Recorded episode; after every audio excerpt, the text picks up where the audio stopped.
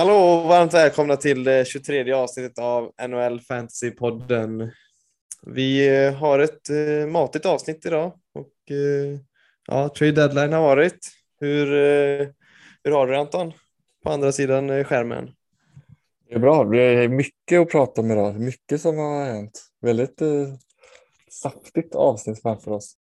Det är vår första trade deadline som poddansvariga. Så att eh, det har varit, eh, man har ju verkligen suttit med och varit aktiv i, i alla trades och försökt eh, hänga med så gott det går.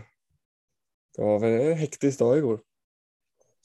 Bra jobbat av alla som alla eh, journalister över som eh, helvete vad de rapporterar.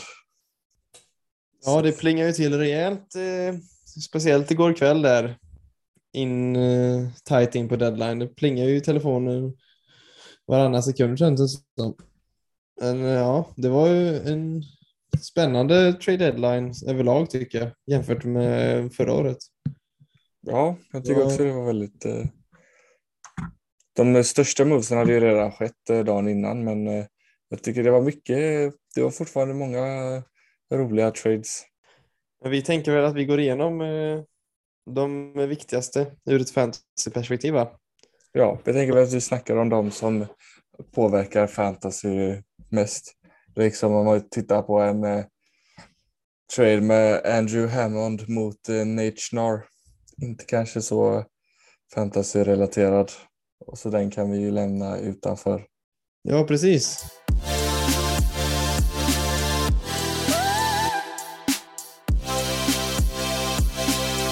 Andrew Kopp till Rangers.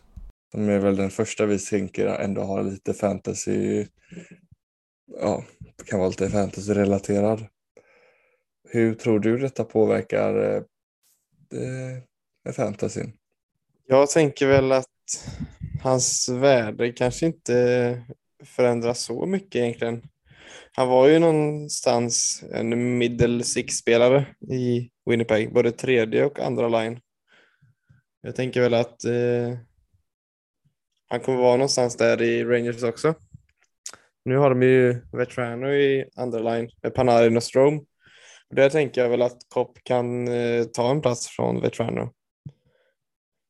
Sen så är väl powerplay ganska fullspäckat. Men eh, ett andra PP kan han ändå få chansen i. Ja, det finns det såklart chansen i. Sen så tycker jag ändå de har bra centrar där i Chytil och eh, Goodrow. Så att även fast han spelar en tredje line så är det ändå en bra line.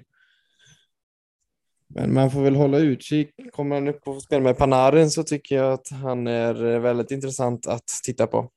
Om man har en ledig eh, plats. Han är ju nog både center och left och right wing om jag inte minns fel. Så att han är ju väldigt eh, spelbar. Mm, bara 35 procent roster. Då är han, det betyder ändå att det är ändå 35 procent. Det är, det är ändå ett relativt bra, alltså mycket folk som äger han har plus fyra i eh, senaste veckan. Men han har ändå, eh, innan eh, traden så ligger han ändå på en 202 ranking med 35 poäng hittills och det är ändå, tycker jag, ändå bra. Det är ändå potential. Ingen 400-gubbe riktigt heller. Liksom.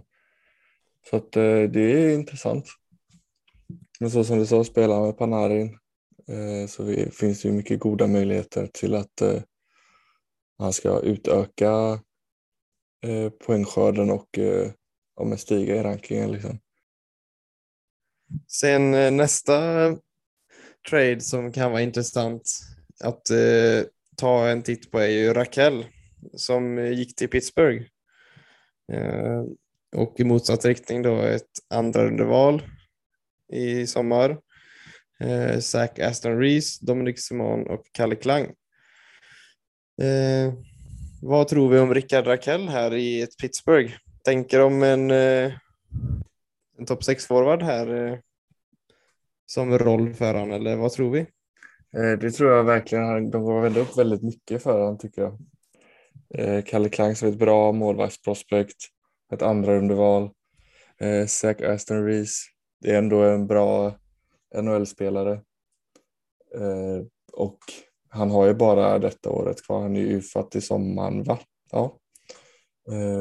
Så jag tror att det är med största möjliga sannolikhet att han kommer spela topp 6. Jag skulle gissa nu, för om man går in och tittar på Daily Face-Off så har de han i en andra line med eh, eh Malkin som center och även eh, i ett andra PP. Så jag tycker att den är nog den traden som jag tycker är mest intressant om man eh, utgår från ett fantasyperspektiv eftersom andra trader som har skett har varit som har, spelarna har varit lite större. Då är de troligtvis redan ägda och har en eh, hög ägd procent. Men medan Raquel ändå ligger lite längre ner på den och finns i de många ligor lediga att ta upp. Så därför tycker jag att eh, det här är rätt intressant för jag skulle nog om man behöver en eh, forward kolla på Raquel och för att jag tror att han kan få ett väldigt lyft under den här kort tid, kort på säsongen han vill visa. Så jag tror att eh, det är en bra trade för både han och Pittsburgh. Och för oss fantasyspelare jag tycker det var en väldigt rolig trade. Jag håller med dig där faktiskt. Eh, jag tror han kommer få ett rejält uppsving här. Eh, Malkin har ju visat sig hålla fortfarande. Eh, så att det ser väl ljust ut, så jag håller med. Har man, behöver man en forward vill ha plats så ska man nog testa Raquel. Han, ju, han är ju en målskytt liksom och det ger ju mycket poäng i fantasy. Han kan eh, hänga ett par baljer från eh, Malkins passningar där. Han är ju bara 26 procent rostered. Vi har gått upp 15 procent senaste veckan. Så att eh, han finns ju nog i många ligor att tycker jag. Men ja, jag tycker det var väldigt eh, intressant. Frågan är hur han kommer eh, ta rollen som en andra line. Han har väl varit lite av en första lines forward i Anaheim väldigt länge. Han har väl varit lite av deras eh, forwardsnamn framåt. Liksom. Ja. Så det kan nog, eh, jag tror att eh, nu får han ändå spela med eh, en väldigt världsklasscenter oavsett om man spelar med Malkin eller Crosby. Så det kan ju vara lite roligt att, att se hur, hur det går för han med det. Ja. Och om vi tittar på sommaren då, det kanske inte är så relevant, men tror vi att han stannar i Pittsburgh? Ja, om jag skulle gissa skulle jag säga nej, att han inte kommer göra det. För jag tror att Pittsburgh inser nu att de är lite inne på sista eh, här versen lite vill göra en rebuild. De vill nog inte signa han till ett långt eh, dyrt kontrakt som jag tror ändå att han eh, är ute efter. Mm. Så jag tror att jag tror inte att han, jag tror att han kommer få bättre bud från andra ställen och en, där han även kan se en framtid. För tittar du på Anaheim så har ju de en mycket bättre framtid än Pittsburgh. Det är lite the last dance nu för eh, Pittsburgh att gå för det sista kuppen innan Malkin och Crosby är färdiga. Ja. Det är faktiskt sant. Hade jag varit Raquel så hade jag nästan försökt signa Anaheim igen till sommaren. Om möjligheterna hade funnits. Det är ju ett intressant. Problemet med det är ju att då försvann ju, att då kunde han lika gärna gjort det innan. För att då kan han ju inte få det åttonde året. Som troligtvis inte kommer gå ändå eftersom han ändå är eh, 28, fyller 29 i maj. Och åtta år då är han 37. Så det kanske är lite eller så är det just det han kommer få, ett sjuårskontrakt där ute. Men att eh, om han skulle signa med Anaheim så tror jag han redan skulle gjort det. Men eh, det är ett bra alternativ, de är ju på uppgång. Så att det inte är ett dåligt alternativ, men det känns som att om man nu väl blir tradad nu och väl valt, valt att inte signa så ser jag nog inte att det är någon chans till att han återvänder. Minnesota hade det ju väldigt intressant med eh, två målvaktstrader eh, nu igår. en rätt oväntad eh, trade om jag får se det själv. Det första var ju, eller inte eh, Mark Andre Fleury traden utan att de skeppade Kakkonen. Men det första är då Mark Andre Fleury till eh, Chicago, eller mot, från Chicago till Minnesota för ett eh, conditional första rundeval. Eller det blir ett första rundeval ifall de når conference-finalen. Och annars är det ett andra rundeval. Och sen skickade ju Minnesota Kakkonen till San Jose för backen Jacob Middleton som jag inte har någon eh, vidare koll på. Eh, har du något att säga om han? Ja, men Middleton är ändå en bra topp 6-back skulle jag säga i NHL.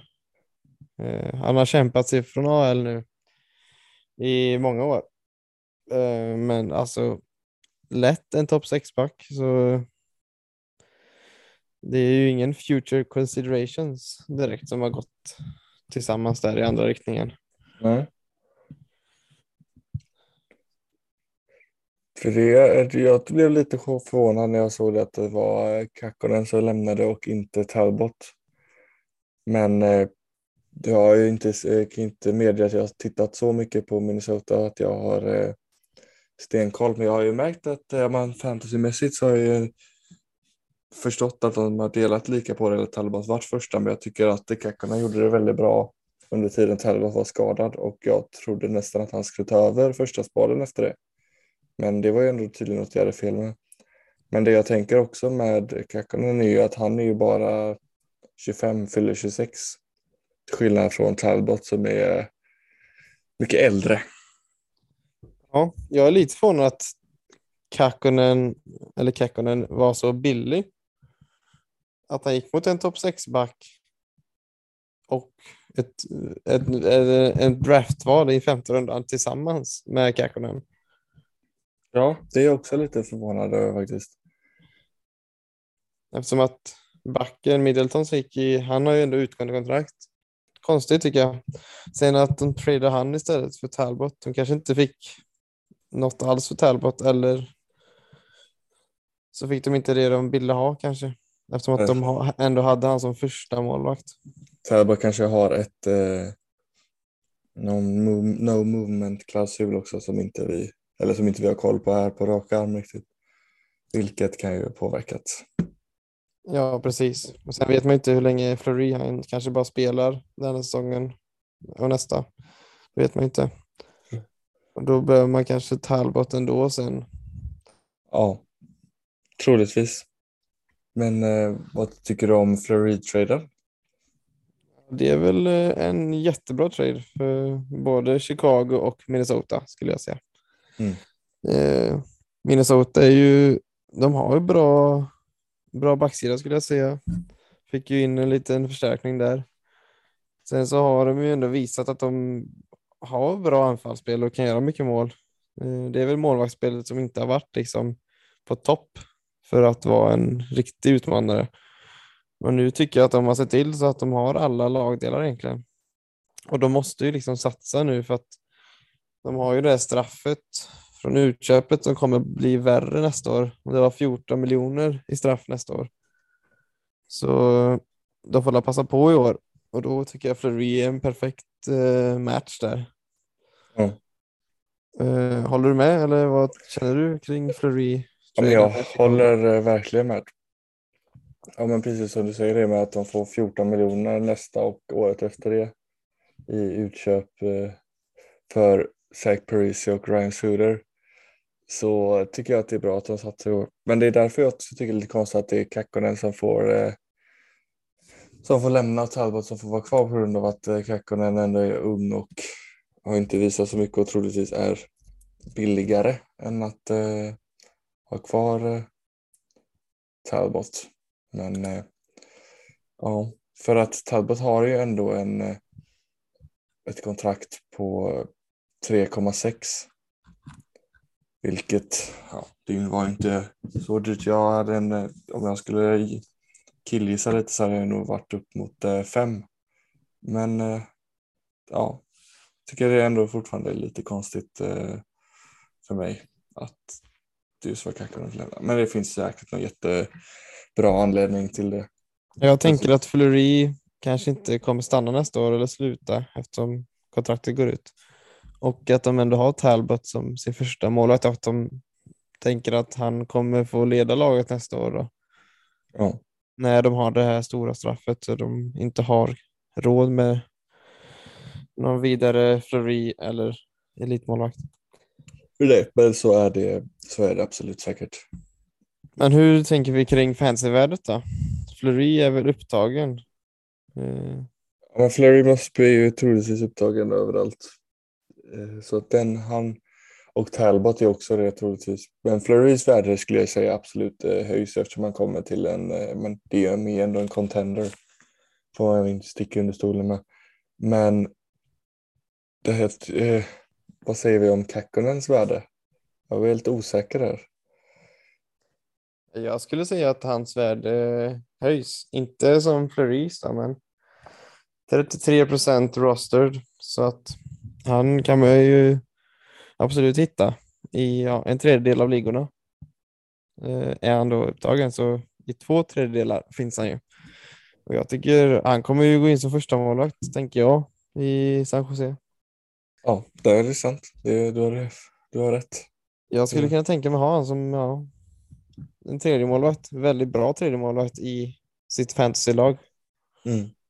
Om man, eh, men ja, man får ju se lite hur mycket han spelar, men troligtvis kommer han ju spela mycket och att ha en första målvakt är ju väldigt bra oavsett. Ja, jag skulle kunna sträcka mig att eh, jag har hellre Kakkonen än Talbot. Om Fleury nu tar första spaden. Faktiskt. Men de har väl sagt lite att de ska spela, att de har väl inte sagt att uh, Fleury är andra målvakt riktigt, men de har ändå sagt att de kommer fortsätta köra med Talbot, eller i alla fall det Talbot gick ut och sa. Ja, han kommer nog få fortsätta. Han har ändå varit OK. Men eh, så fort han gör någon lite sämre match eller vecka tror jag Fleury kommer få chansen direkt. Ja, Vi får väl se. Jag tror inte... Det är svårt att säga vem som kommer ta första spaden, men jag tror inte Talbot har den säkert liksom resten av säsongen. nej, men jag tror att eh, om det är någon som kan det här med eh, tandem så är det väl ändå Fleury. Han har ju haft det eh, senaste åren i ja, Chicago var han väl en solklar etta, men han hade ju Vegas innan med Lener och han har ju haft det i Pittsburgh med eh, Murray.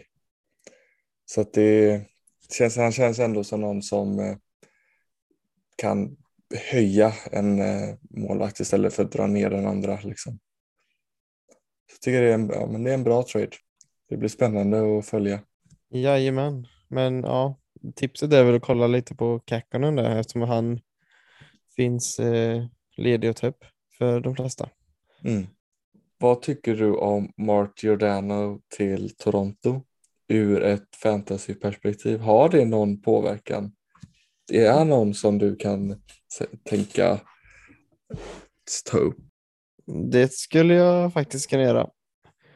Behöver jag en femte back eller om det är väldigt panik med en fjärde back så skulle jag kunna tänka mig att ta upp Giordano. De har väl inte löst målvaktssituationen klockrent så Toronto, men de kommer nog vinna, fortsätta vinna många matcher och gå till slutspel och Giordano kommer, kommer väl ändå få en del offensiva minuter tänker jag och kunna samla på sig en del plus och kanske några poäng. Han vann ju ändå Norris för tre år sedan. Så jag tänker att eh, 55 procent eh, rostered eh, är han ju. Så jag tänker att han kan nog vara intressant att titta på om man behöver en extra back. Han, eh, han kommer ju tillbaka. Nu står det enligt Yahoo att han eh, tränar tillsammans med Timothy Liljegren. Men eh, han, när han vann sin Norris så spelade han ju med TJ Brody som nu också är i eh, Toronto den säsongen. Han vann då i var det, Flames var de i. De två spelade tillsammans i ett backpar när han vann Norris. Och det kan ju vara lite intressant. Ja, höja han lite. Att spe, spela med någon han känner till bra. Är det någon du kan tänka dig plocka upp? Jag har ju hört att du har eh, lite backbrist i ett av dina två lag här. Eh, ja, jag skulle faktiskt eh, kunna titta på honom faktiskt. Han kommer in, det känns ju som att han går ju mycket plus. Han har ändå hållit sig rätt bra på plus minus-sidan eh, även i Seattle. Så ja, ja eh, det är absolut någon man skulle kunna titta på. Den kanske allra största traden under trade deadline är ju Claude Giroux till Florida Panthers. Vad har vi för tankar eh, kring den traden, Felix? Jag tycker väl att det är en bra trade från eh, båda håll. Philadelphia får ändå mycket skulle jag säga. Men eh, ja, Florida passar ju på och eh, stack upp i fram här. De har väl ändå en ledig plats i topp 6 för Claude Giroux som han går in på, tycker jag. Och han har ändå presterat bra i år som vi gick igenom för några veckor sedan här. Så det är väl en eh, kanontrade och eh, ja, Giroux värde går ju upp. Eh, de som var på väg att droppa han kanske under året eller något liknande och har hållit kvar igen har gjort en bra affär. Eh, han finns väl inte ledig nu eh, om jag får gissa. Vad Nej. känner du för uh, traden? Ja, men jag tycker som du säger, det är en mycket bra trade för Florida. Det, det var ju tydligen det enda laget han ville gå till också. Med hans no movement klausul. Eh, så att trots det så har de ändå fått eh, mycket ut, eh, för, alltså mycket för han, Philadelphia då. Jag vet inte om han berättade eller om de visste, om Florida visste att eh, det var det enda laget, för troligtvis inte, för då hade han nog inte krämat upp så mycket. Men jag tycker det är väldigt intressant. Det blir mycket bra för spelare att komma in där med Barkov direkt och jag tycker det ser, ja men han ser mycket, mycket intressant ut. Florida är ju ett av eh, ligans absolut bästa lag och eh, att då få in en väldigt bra eh, spelare, en väldigt bra vinge till Barkov så eh, ja men det är livsfarliga framåt nu. Jag tror att eh, det är en eh, supertrade för eh, de som sitter på euro. Ja, verkligen. Barkov är en av NHLs bästa centrar. Men ja, och det är väldigt kul eh, att de satsar så Florida nu när de ändå har en sån kanonsäsong. De tog även in förstärkning på backsidan och målvaktssidan tycker jag ändå är vass. Mm. Men ja, fantasy-perspektivet där från Giroux-hållet är ju, är ju väldigt bra för de som sitter på honom. Ja men verkligen. Nu blev ju då eh, Aaron Ekblad skadad och missar ju hela grundserien. Vilket är ett litet tapp. Eller ett väldigt, väldigt stort tapp. Han är ju men, en av deras absolut viktigaste spelare. Och vi såg ju förra året när de tappade Hanna hur allting bara föll ihop. Och, men det troligtvis kommer han ju tillbaka till slutspelet. Men de, det var ju att de behövde ju sätta någon på IR för att kunna eh, få till den här Eurotraden. Så det kom ju lite väldigt passande för dem. Det blir lite Tampa-varning där med att utnyttja injury reserve. Eh, det blir lite sån utnyttjning men eh, troligtvis så var det ju inget fuffel. Men det är lite passande att han eh, går ner bara några, om han skadar sig precis innan och så kan han göra en sån här värvning. Ja, det var ja, lite ifrågasatt från några håll ändå. Men ja, de kommer ju ta sig till slutspel och han kommer ju komma tillbaka då. Så jag, jag är inte så oroad för Florida faktiskt. Eh, det är väl ingen som är det egentligen heller, men de kommer ju möta tufft motstånd i hur de än hamnar i tabellen känns det som. Ja. Nu när ja, Tampa, Carolina, Boston har kommit igång. Och, Ja, men som det ser ut nu så får, kan ju ändå, får ju ändå Florida ja, men något wildcard-lag och det är ju Boston och Washington som är där just nu. Och det är ju inte, det är inga dåliga lag. De måste ju också slå ut eh, lag som Tampa och eh, Toronto för att kunna ta sig vidare från sin division. Och bara de två lagen är ju kandidater till Stanley Cup så det är en väldigt bra division de är i. Och det är ju stor chans att de lagen tar ut varandra och sen det laget som eh, klarar sig därifrån sen tappar det mot Metropolitan där de kan få möta ett eh, Rangers eller Carolina. Så det är, Ja mm, det är en tuff, de har ett tufft slutspel framför sig men de ser väldigt starka ut. Det, blir en väldigt, kan bli en väldigt rolig serie med, mellan Florida och Tampa. Väldigt. Eh, Ska vi gå in på Lindholm-traden kanske? Ja, det tycker jag absolut vi gör. Där har vi Lindholm, Cody Curran eh, till Boston. Och sen så har vi ett första i sommar, ett andra underval nästa år och ett andra underval 2024. Och sen även Vakanainen och John Moore till Anaheim. Om vi tänker ur ett eh, lagperspektiv då. Vem eh, vann traden här? Men det är ju Boston som eh, kör lite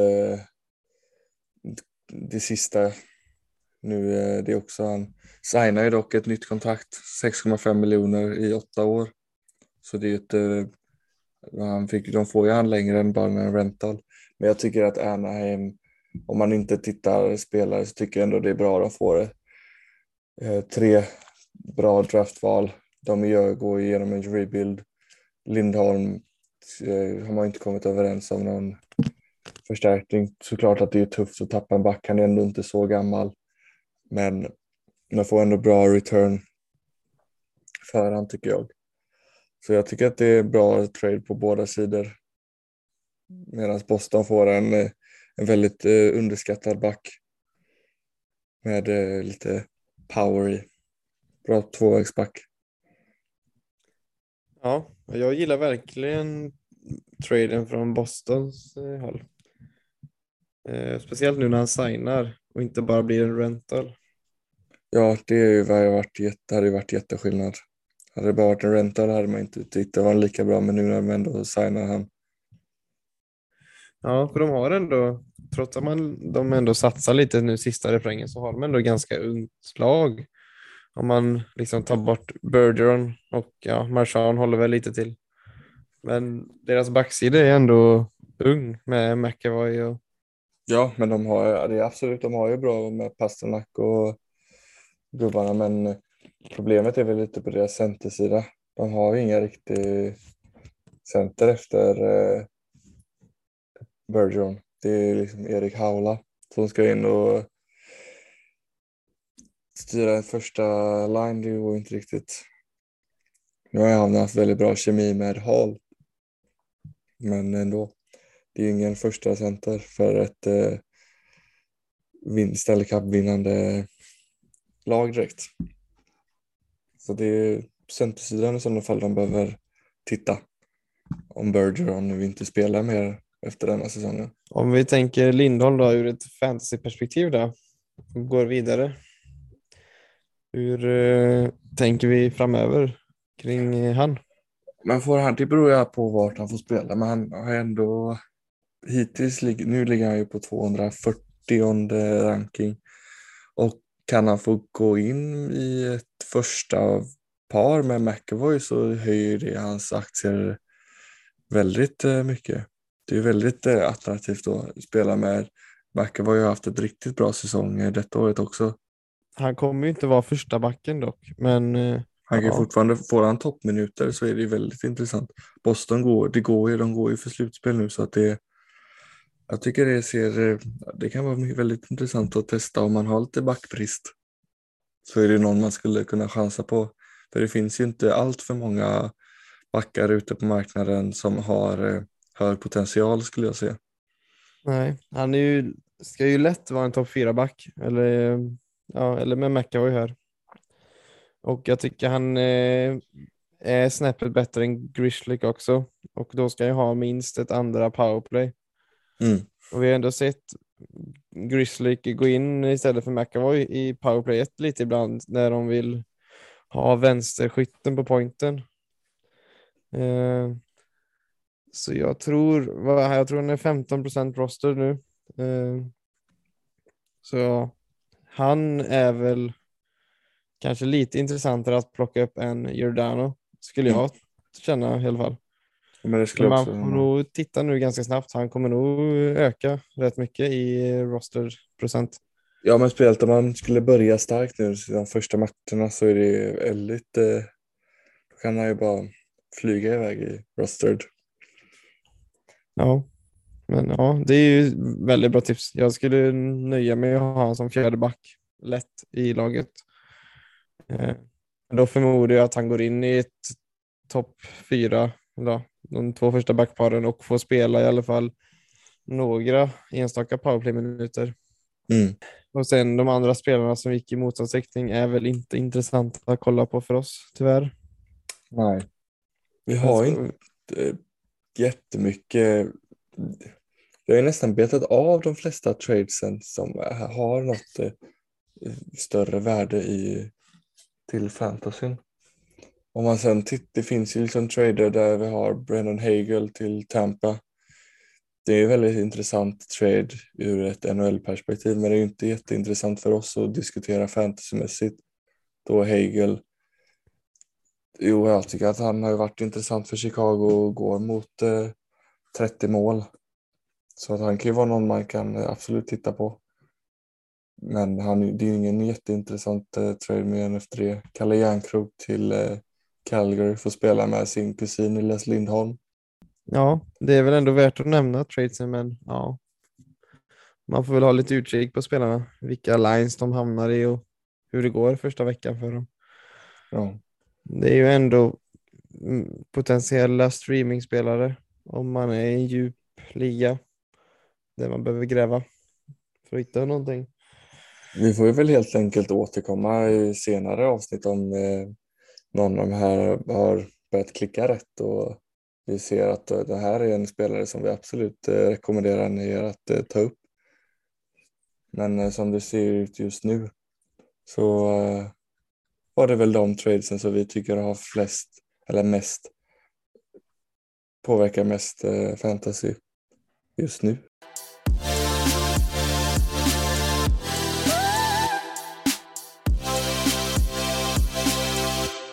Ja, efter eh, alla trades nu så var vi väl färdiga med dagens avsnitt. Eller vad känner du? Ja, men jag tycker så som vi ändå sa, nämnt att vi har ändå fått eh, pratat om de mest eh, fantasy-relaterade traderna. Och jag tycker ändå att eh, vi har fått, haft ett bra avsnitt eh, inspelat. Ja, precis. Det blir ju såklart handlar det om trade deadline eftersom att eh, ja, det är väl en av de största händelserna i NHL och i NHL fantasy.